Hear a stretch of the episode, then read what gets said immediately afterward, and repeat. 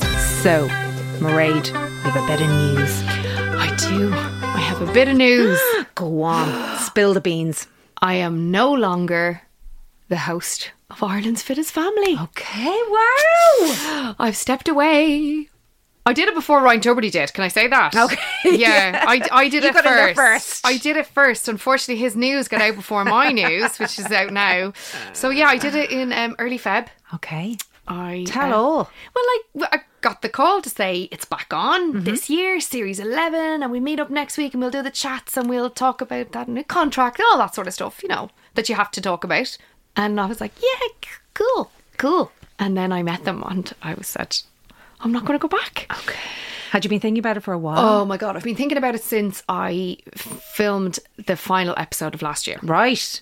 So I have been thinking about it loads and loads and loads. And th- the truth is, I absolutely adore the show. I've been there from year one to year 10.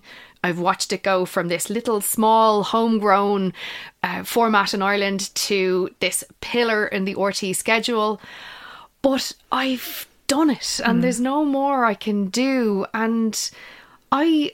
I just would love to do something else. I'd love, I hate saying it, a different challenge, but I, I just, I'd like to do something else. And I think I've, uh, having stepped away from the radio, then I enjoyed the change and I'd love a change in this area too. And I've loved doing this podcast with you. So I'm like, You've gone mad. I've gone You've mad. gone wild. I've gone You're like, rogue. stopping that. I'm stopping that. I'm I'm moving. I completely get that because now you're Yeah. seeing it's like that the old expression of, you know, when one door closes, another door Another opens, opens. It or does. manifesting all that stuff. and it's funny because some of the lines and some of the things I said to the bosses of the show on the day I gave them the news, I then heard Ryan Tuberty say about a month later on the radio. Like what? Like he's like, I know when it's time to leave the party, and I'm in the taxi and I'm gone home from the party. And the funny thing is, I had said, I always know when to leave a relationship. I always know when to leave a party, and I always know when to leave a job. Yeah. And this is the right time for me to leave this job.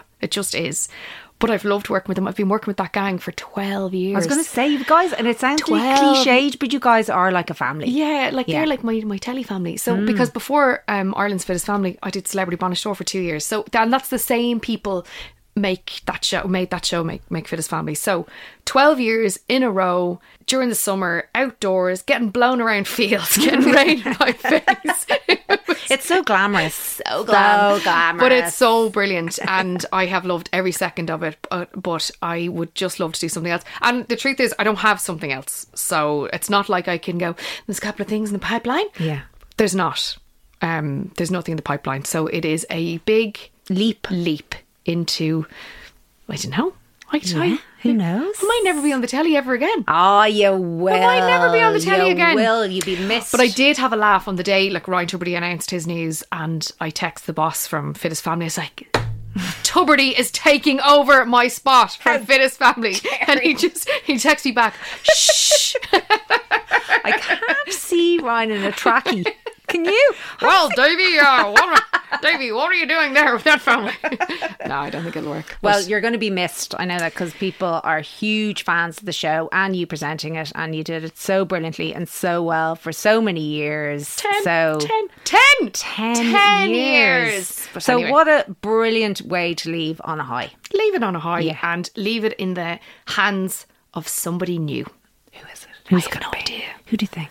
Well, it's Ryan, Ryan Tuberty? No. Mine. Mine's free. Mm, we'll just leave I have that my there. ideas, but I better not say. Okay, don't say say not. Say nothing. As Davy Fitz would say. Say not. Jesus, do you know what? I haven't told him yet. I have to tell him. Well, ha- we'll wait to the podcast just before we we release the podcast. This will be a bonus episode. Yes.